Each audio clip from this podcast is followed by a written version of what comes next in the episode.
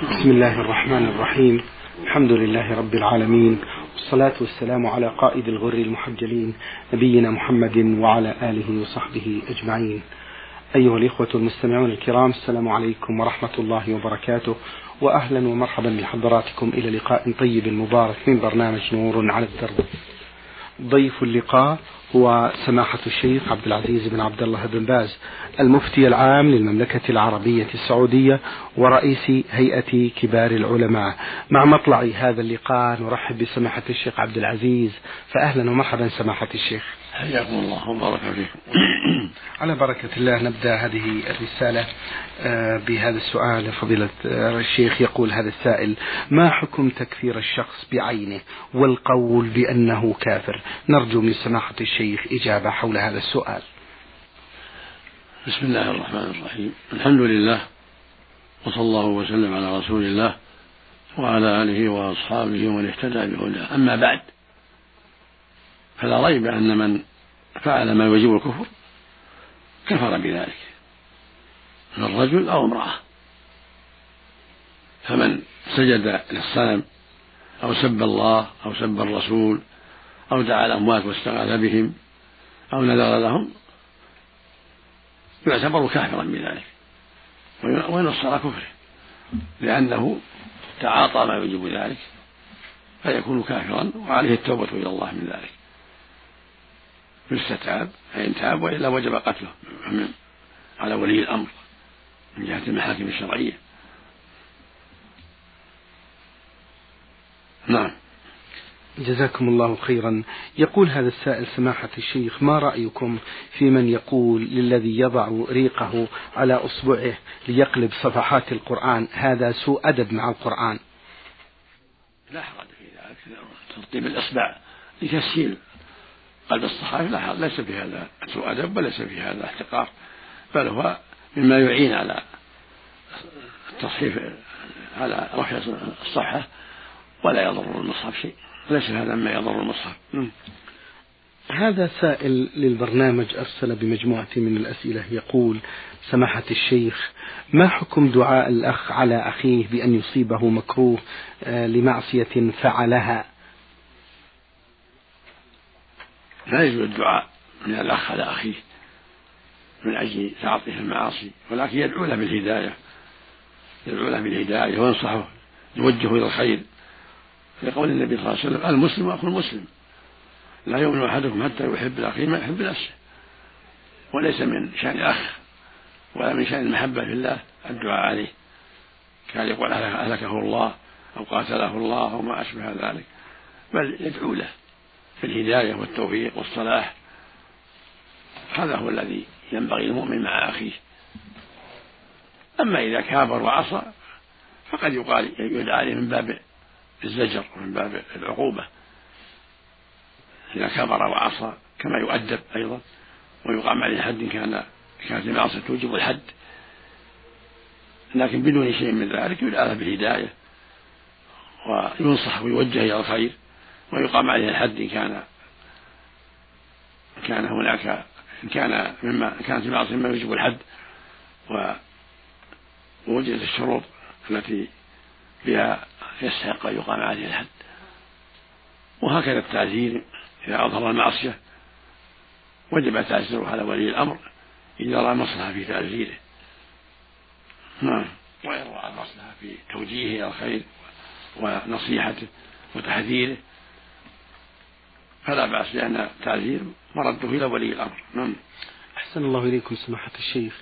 هذا السائل أخوكم في الله إبراهيم من العقبة الأردن يقول سماحة الشيخ أنا شاب أريد الحج هذا العام إن شاء الله لكنني أريد الذهاب إلى العمرة في رمضان ثم البقاء إلى موسم الحج. فسؤالي هل تنصحونني أن أنوي النسك مفرد أم متمتع أم قارن؟ حيث إنني قرأت فتوى لشيخ الإسلام ابن تيمية رحمه الله فبين المقارنة بين الأئمة الأربعة وأفضلية كل واحد منهم. منهم من يقول من أراد الحج ومعه الهدي فالقران له أفضل ومن لم يسق الهدي فالتمتع له أفضل ومن قصد العمرة في سفره وبقي بمكة إلى موسم الحج فالمفرد له أفضل. هل هذا صحيح؟ بينوا لنا الأفضل يا سماحة الشيخ حيث أنني أريد الحج متمتع لكثرة ما, لكثرة ما سمعت نحو فضل التمتع. السنة في التمتع لمن قدم إلى الحج السنة أن يتمتع بالعمرة الحج. إذا كان قدومه بعد رمضان يريد الحج. فالسنة له يحرم بعمرة فيطوف ويسعى ويقصر ثم يحل. ثم يلبي بالحج يوم الثامن. كما أمر النبي أصحابه عليه الصلاة والسلام يوم في حجة الوداع. أمرهم أن يجعلوها عمرة. وكان بعضهم قد أحرم بالحج وبعضهم قد أحرم بالحج وعمرة فأمرهم جميعا أن يجعلوا عمرة. فيطوفوا ويسعوا ويقصروا ويحلوا قال جابر فطفنا وسعينا وباشرنا النساء. ثم أحرم بالحج يوم التروية أما إن كان معه الهدي من إبل أو بقر أو غنم فالأفضل يلبي بالحج والعمرة جميعا كما فعله النبي صلى الله عليه وسلم. فإنه لبى بالحج والعمرة جميعا لأنه ساق الهدي ويبقى على إحرامه حتى يحل يوم النحر. وأما من أخذ العمرة في رمضان وجلس في مكة فإنه يحرم بالحج فقط مفردا.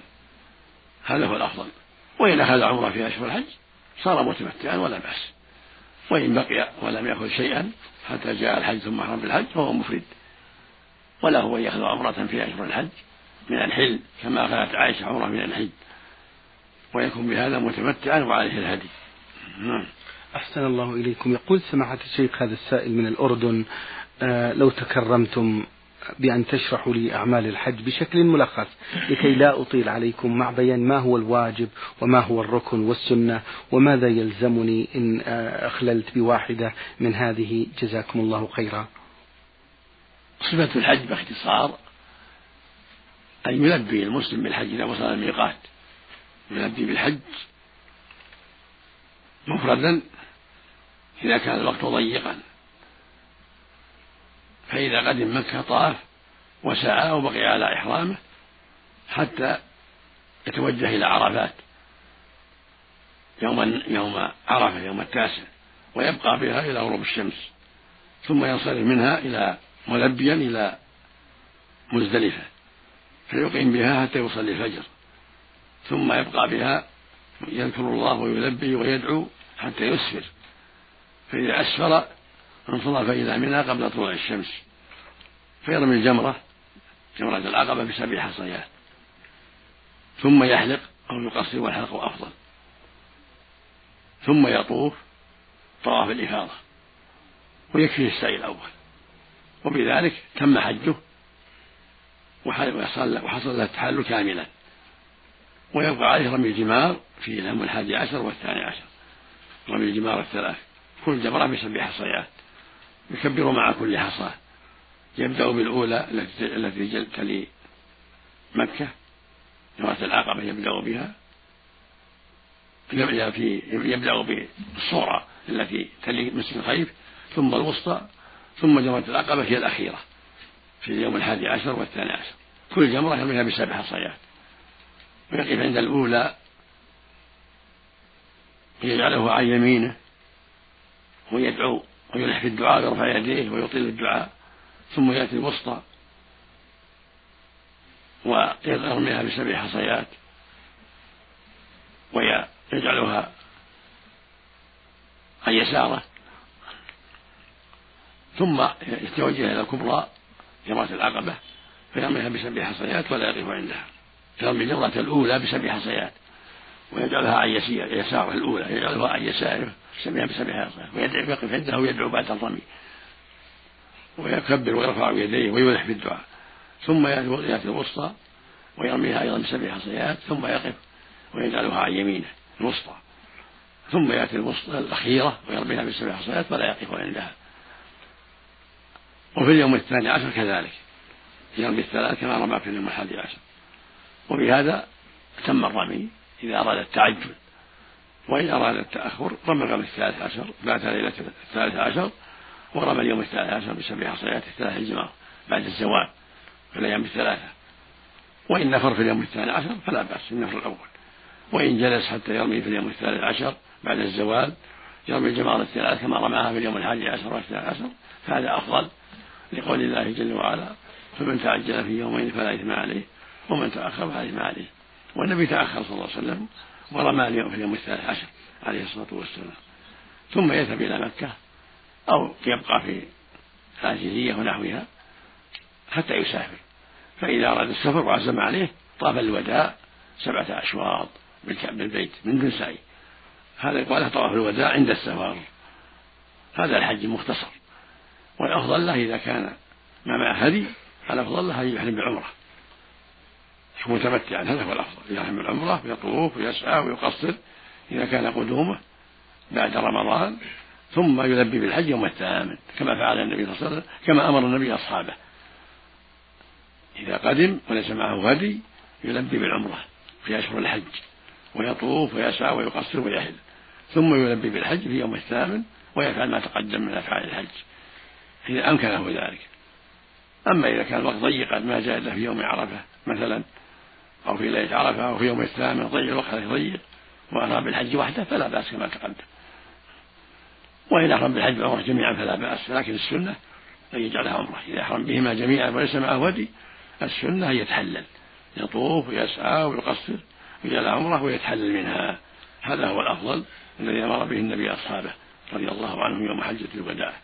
ثم يلبي بالحج يوم الثامن من مكة. يلبي بالحج ويتوجه إلى منى ملبيا. يوم الثامن فيصلي بها الظهر والعصر والمغرب والعشاء والفجر قصرا بلا جمع. الظهر اثنتين والعصر اثنتين والمغرب ثلاثة والعشاء اثنتين والفجر اثنتين قصرا بلا جمع. في منى. وبعد طلوع الشمس يتوجه إلى عرفات ملبيا. فيصلي الظهر والعصر في في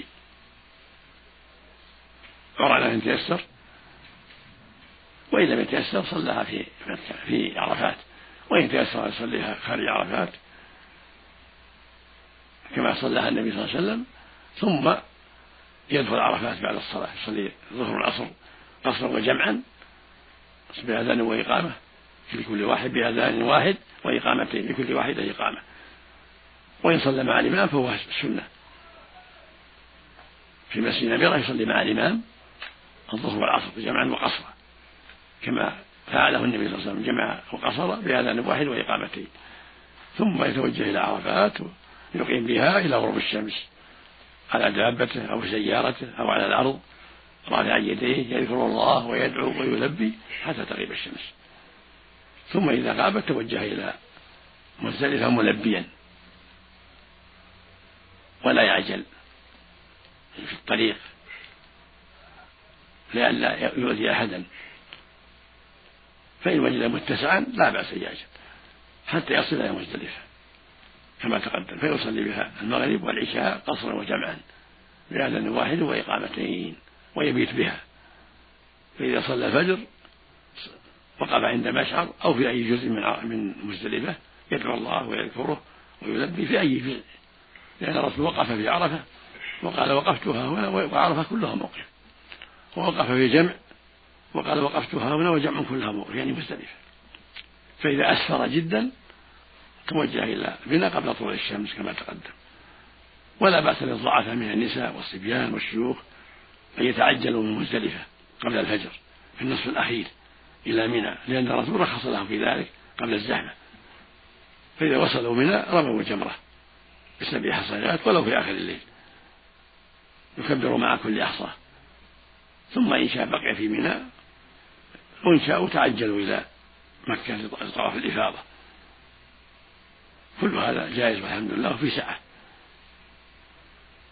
والنبي يوم العيد سئل عمن قدم وأخر فقال لا حرج سئل عن من رمى قبل أن يفيض. من رمى قبل أن يفيض فقال لا حرج. من من أفاض قبل أن يرمي قال لا حرج المقصود أنه وسع في هذا عليه الصلاة والسلام. لكن السنة أن يرمي ثم ينحر إن كان عنده هدي. ثم يحلق أو يقصر والحلق أفضل ثم يطوف ويسعى. هذا هو الأفضل. هذا الترتيب. يوم العيد الرمي ثم النحر إذا كان عنده نحر ثم الحلق أو التقصير والحلق أفضل ثم يكون قد تحلل يلبس ثيابه ويطيب ثم الطواف والسعي وبهذا يحل الحل كله. قبل الطواف لا يحل له النساء فإذا طاف حل له النساء. ومن قدم شيئا على شيء فلا بأس. لو أنه حل قبل أن يرمي أو نحر قبل أن يرمي أو طاف قبل أن يرمي فكل هذا لا بأس به. لأن الرسول سئل عن من قدم وأخر فقال لا حرج لا حرج. صلى الله عليه وسلم. لكن الترتيب أفضل. يرمي ثم ينحر ثم يحلق ويتحلل إلا من النساء ثم يطوف ويسعى. هذا هو الأفضل. هذا هو الترتيب اللي فعله النبي صلى الله عليه وسلم.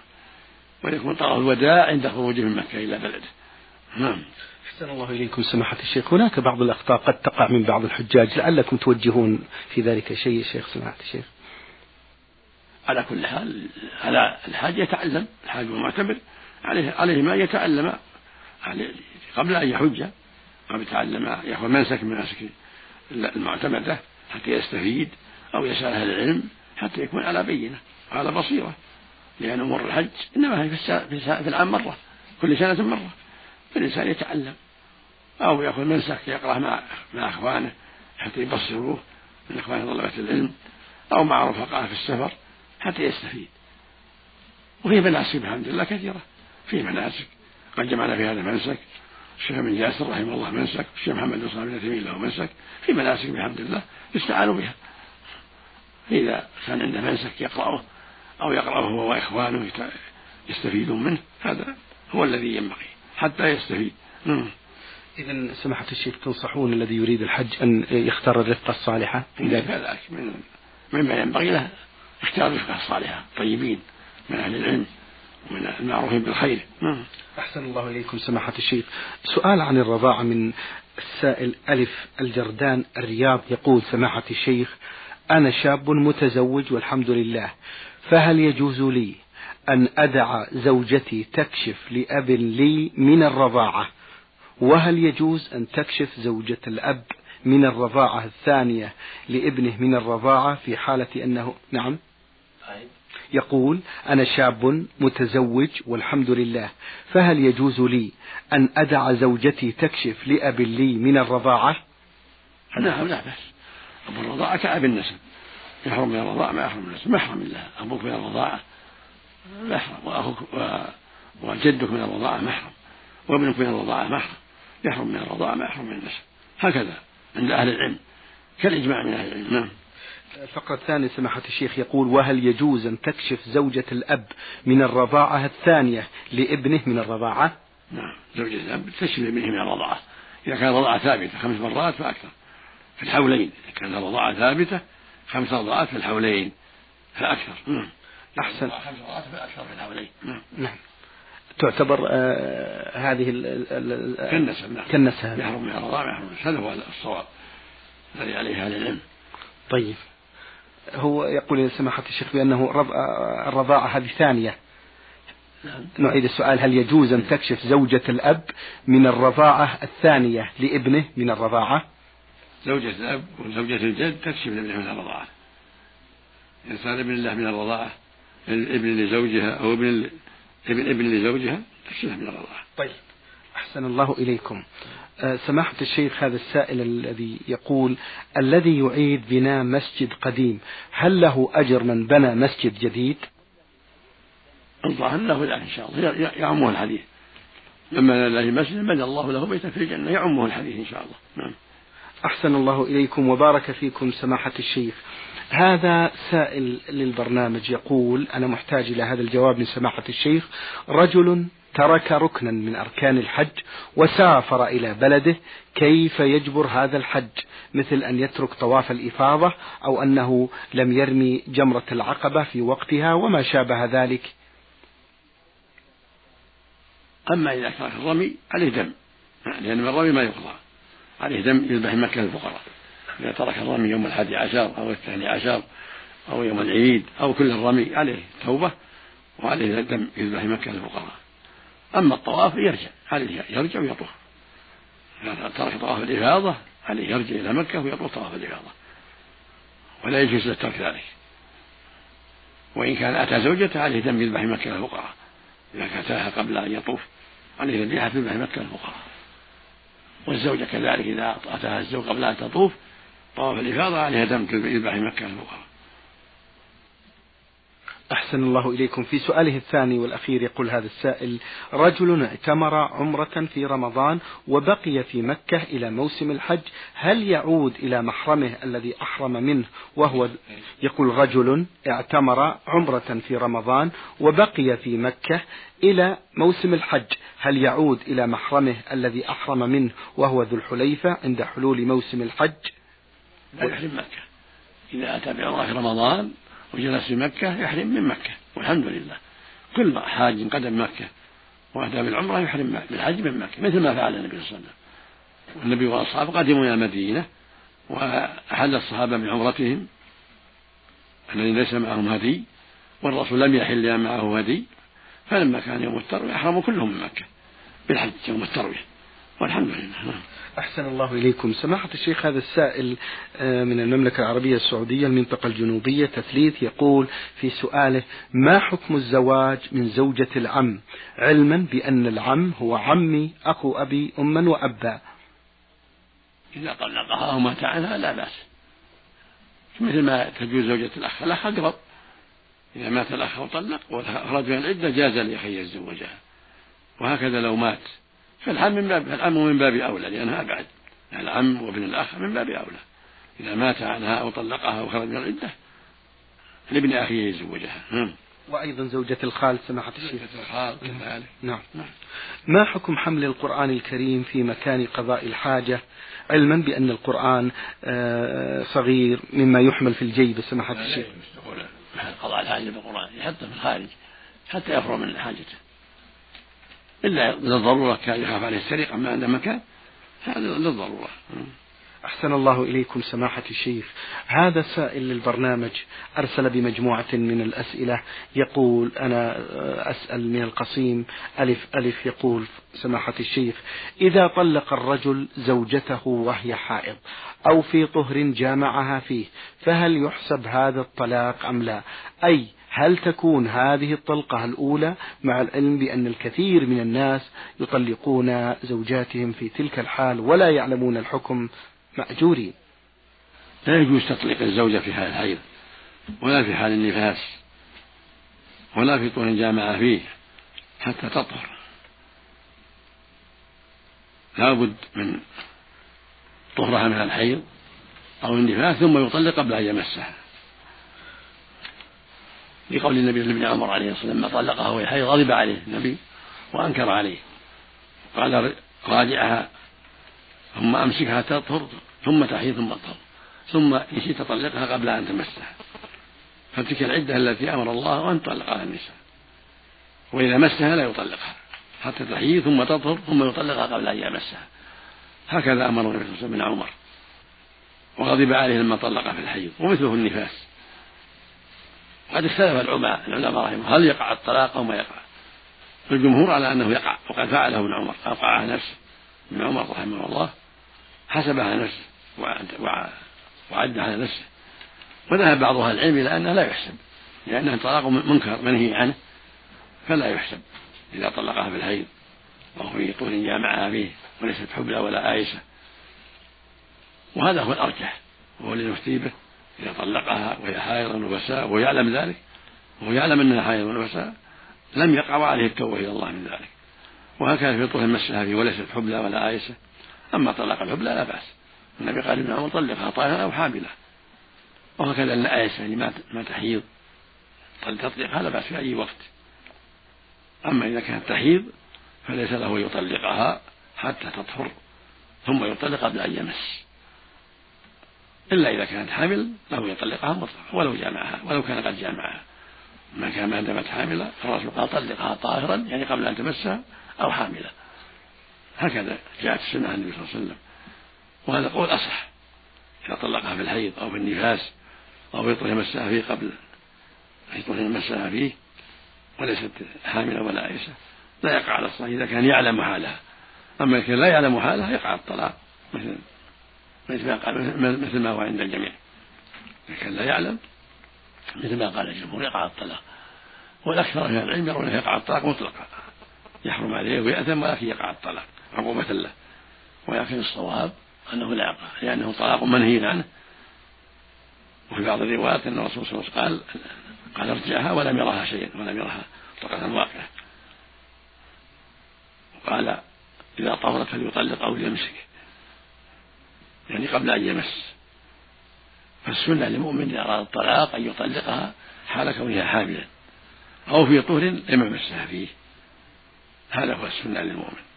لا يطلق في الحيض ولا في النفاس ولا في طهر حصل فيه جماع وهي ليست حاملا ولا آيسة. في هذه الأحوال الثلاث لا يطلق ويطلق في حالين. إحداهما حال كونها حاملا والثانية حال كونها في طهر لم يمسها فيه. وهي حائل ليست حاملة. في طهر لم يمسها فيه ومثلها اليائسة. يطلقها لا بأس لأنها لا يخشى لا عندها حيض. إذا طلق الآيسة لا بأس في أي وقت أو الحامل في أي وقت. أو التي تحيض لكن في طهر لم يمسها فيه فلا بأس. هذا هكذا جاءت السنة في حديث عمر رضي الله عنهما. نعم. أحسن الله إليكم سماحة الشيخ. هذه السائلة المصرية ومقيمة بالمملكة لها هذا السؤال أيضا تقول اشترينا قطعة أرض بغرض البناء ولكن عندما أردنا أن نقوم بترسيمها للبناء وجدناها صغيرة ولم نقرر هل نقوم ببيعها أم سنبنيها فهل يكون عليها زكاة؟ ليس فيها زكاة حتى تقرروا بيعها. حتى تعزموا عزما جازما على بيعها فإذا عزم مالكها على بيعها عزما جازما وحال عليها الحول بعد العزم تزكى قيمتها. إذا عزم عزما جازما فإنها تزكى قيمتها إذا حال عليها الحول بعد العزم. وما دام صاحبها مترددا أو لا يجزم بالبيع فلا فليس فيها زكاة حتى يجزم ببيعها ويحول عليها الحول بعد الجزم. شكر الله لكم سماحة الشيخ وبارك الله فيكم وفي علمكم ونفع بكم الإسلام والمسلمين. أيها الإخوة المستمعون الكرام أجاب عن أسئلتكم سماحة الشيخ عبد العزيز بن عبد الله بن باز المفتي العام للمملكة العربية السعودية ورئيس هيئة كبار العلماء. شكر الله لسماحته على ما بين لنا في هذا اللقاء الطيب المبارك. شكرا لكم أنتم. في الختام تقبلوا تحيات زميلي مهندس الصوت فهد العثمان. والسلام عليكم ورحمة الله وبركاته.